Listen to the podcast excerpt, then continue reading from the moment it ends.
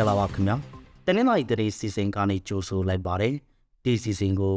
တဝဲဝဝန်တော်တာရကစူစီတင်ဆက်ထားတာပါဒီနေ့တင်ဆက်ပေးမယ့်သတင်းတွေကတော့လောင်လုံးမြို့နယ်တကြောစစ်ကြောင်းထုံနေပြီးဒေသခံတွေဖမ်းဆီးပစ်ခတ်ခံနေရတဲ့အကြောင်းတဲချောင်းမြို့နယ်မှာစက်ကောင်စီတိုင်ရင်တွေကိုဆက်သွယ်ထားတဲ့စီပိုက်လိုက်မိုက်ခွဲခံရတဲ့အကြောင်းပေါ်တော်မြို့မှာပူစောတိအဖွဲ့ဝင်တူပြတ်သားခံရတာရေဖြူမြို့နယ် ကံပေါက်ဒေသမှာပေးရွဲဆိုင်ကမှောင်လို့တအူးသေးဆိုပြီးသုံးတိုင်ရရှာရှိခဲ့တဲ့အခြေအနေကလေးအောင်မြို့မှာညဖက်လက်နက်ကြီးပစ်ခတ်ပန်တွေကြားလာနေရတာမြေမြို့မှာလက်ရှောင်နေတဲ့လူငယ်တအူးကိုကားတိုက်ပြေးသွားတဲ့အကြောင်းစိတ်ကြောင့်ထိုးလာလို့တကူရွာသားတွေထွက်ပြေးနေရတဲ့အကြောင်းထိုင်းနိုင်ငံတောင်ပိုင်းမှာလူည40ကျော်ဖမ်းဆီးခံရတဲ့အကြောင်းထိုင်းနိုင်ငံဘက်ကနေတိဘေစားပင်ပြိုးပင်တွေတင်သိဖို့ခက်ခဲနေတာကြောင့် ပစ္စည်းပြက်လာနေတဲ့အကြောင်းစားတဲ့တဲ့ကြောင်းရာတွေကိုနားဆင်ရမှာပါလောင်လုံးမြို့နယ်တကြောစစ်တောင်းထုံနေပြီးဒေသခံတွေဖမ်းဆီးပြက်ခတ်ခံနေရပါတယ်စစ်ကောင်စီတပ်ကမလာ16ရက်မနေ့ပိုင်းမှာလောင်လုံးမြို့ရဲ့မြောက်ဘက်မေရတာယာကိုအင်းဝတမျိုးကျေးရွာဖက်ခြံကိုစစ်ကြောင်းတကြောင်းညနေဖက်တွင်လောင်လုံးမြို့တောင်ဘက်အောက်ရည်ဖြူဖက်တွင်တကြောင်းစစ်ကြောင်းထိုးရှာဖွေနေပါတယ် အဲ့ဒီလိုစစ်ကြောင်းထိုးရာကနေတာယာကုန်းရွာကစိမနက်တဲ့မျိုးသားတအုပ်ပြစ်ခတ်ခံရလို့တရားရရှိခဲ့ပါတယ်။အခြားနေဝကြည်ရွာတွေကနေရီတွေလည်းရှာဖွေစစ်ဆေးခံရပါတယ်။အောက်ရည်ဖြူဖက်မှာတော့ဒီကနေ့မလာ19အထိစစ်ကြောင်းထိုးရှာဖွေနေစေပါ။အောက်ရည်ဖြူကျေးရွာအုပ်စုကတဲ့ငယ်တေရွာကရာဘာချစ်တဲ့လူငယ်တအုပ်ကိုစစ်ကောင်စီတပ်ကပစ်ခတ်ခဲ့ပြီးထွက်ပြေးလွှမ်းမြောက်သွားတယ်လို့ဆိုပါတယ်။ကတဲ့ငယ်တေကျေးရွာမှာ လာရောက်တေးရှောင်နေတဲ့ဆေးဘေးရှောင်တွေနဲ့ဒေသခံ20ကျော်လည်းဖမ်းဆီးခံထားရပါတယ်။မနေ့ကဖမ်းလာတဲ့ဒီစိကျေဝါကရေလိုသား၃ဦးကိုတော့ဒီကနေ့ပြန်လှော့ပေးလိုက်ပါတယ်။စက်ကောင်စီတပ်ဟာဒီကနေ့ညနေပိုင်းအထိရွာထဲမှာရှိနေဆက်ဖြစ်ပြီးတနက်ပြစ်ခတ်တန်တို့ကြားနေရဆက်ဖြစ်တယ်လို့ဆိုပါတယ်။ဒေသခံတွေကတော့တိုက်ပွဲဖြစ်လာမှဆိုလို့တေးရှောင်နေကြပါတယ်။တဲ့ချောင်းမြို့နယ်မှာ စက်ကောင်စီတိုင်ရင်တွေကိုဆက်သွယ်ထားတဲ့ရေပိုက်လိုက်မိုက်ခွဲခံရပါတယ်။စစ်ကောင်စီတိုင်ရင်တွေကိုတွက်တာထားတဲ့ရေပိုက်လိုက်ကိုတရေချောင်းမျိုးနဲ့ပြည်သူ့ကာကွယ်ရေးပျောက်ကြားတပ်ဖွဲ့ကမိုက်ခွဲဖျက်ဆီးခဲ့ပါတယ်။တဲချောင်းကြီးတဲ့ခေါ်ရှိလောက်ကန်ကနေစစ်ကောင်စီတပ်ခမာရ403ခမာရ404နဲ့405တပ်ကိုတွက်တန်းထားတဲ့ရေပိုက်ကိုမလာ16ရက်ကမိုက်ခွဲတိုက်ခိုက်ခဲ့တာပါ။ပေါ်သားမျိုးမှာ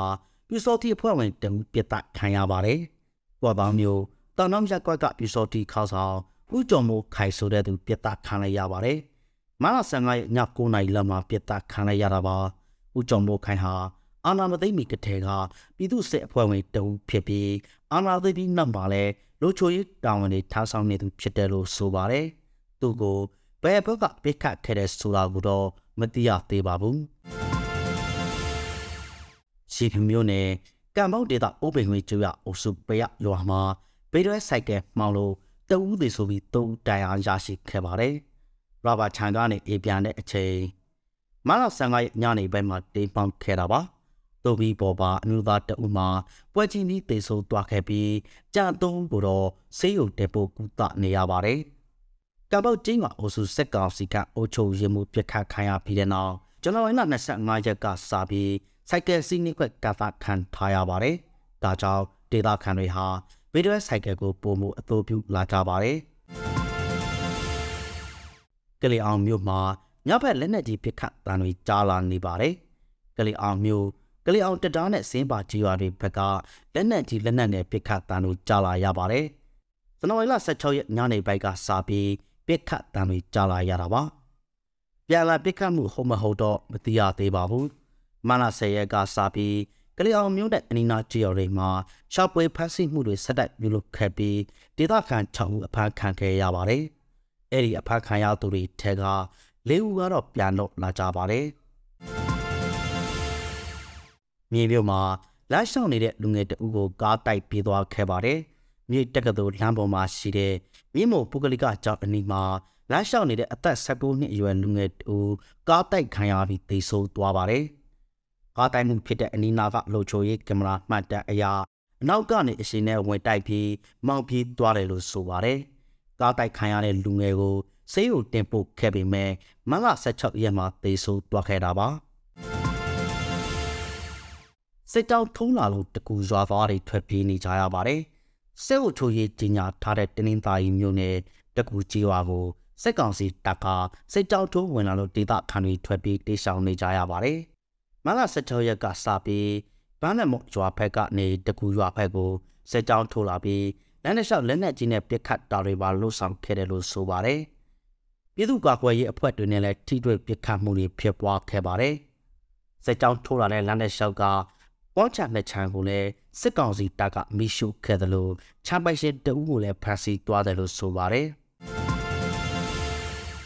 ထိုင်းနိုင်ငံတောင်ပိုင်းမှာရိုဟင်ဂျာ40ကျော်ဖမ်းဆီးခံခဲ့ရပါတယ်။ မလေးရှားနိုင်ငံကိုသွားဖို့အတွက်ထိုင်းနိုင်ငံတောင်ပိုင်းကိုတရားမဝင်ဖြတ်သားဝင်ရောက်လာတဲ့ရိုဟင်ဂျာ40ကျော်မလ16ရက်က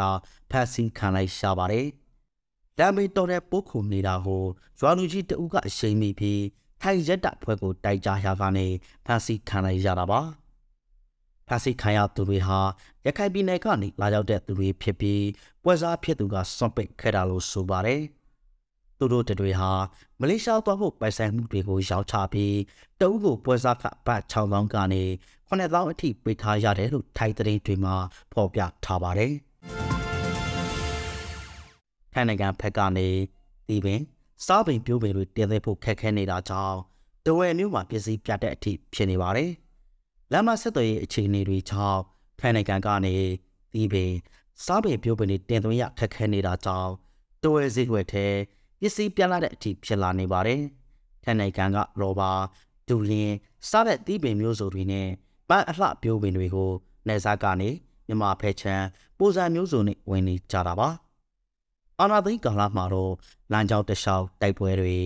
စစ်စစ်တက်ကြမှုတွေကြောင့်မြို့ပင်တွေတင်သွင်းဖို့အခက်တွေ့လာကြပါတယ်ဒါကြောင့်ဒေသတွင်လူကြိုက်များတဲ့ထိုက်ပြိုးပင်တွေအချို့ဆိုင်မှာပစ္စည်းပြတ်တဲ့အထိဖြစ်လာနေတယ်ဆိုတဲ့အကြောင်းတင်ဆက်ပေးလိုက်ရပါတယ်ခင်ဗျာ ခုလိုနားဆင်ပေးခဲ့တဲ့အတွက်ကျေးဇူးအထူးတင်ရှိပါတယ်မြန်မာနိုင်ငံသူနိုင်ငံသားများကပ်ဘေးပေါင်းကနေမြန်ဆိုလွန်မြောက်နိုင်ပါစေလို့တဝဲဝဝိုင်းတော်သားများဟာစုမုံကောင်းတောင်းအပ်ပါတယ်ခင်ဗျာ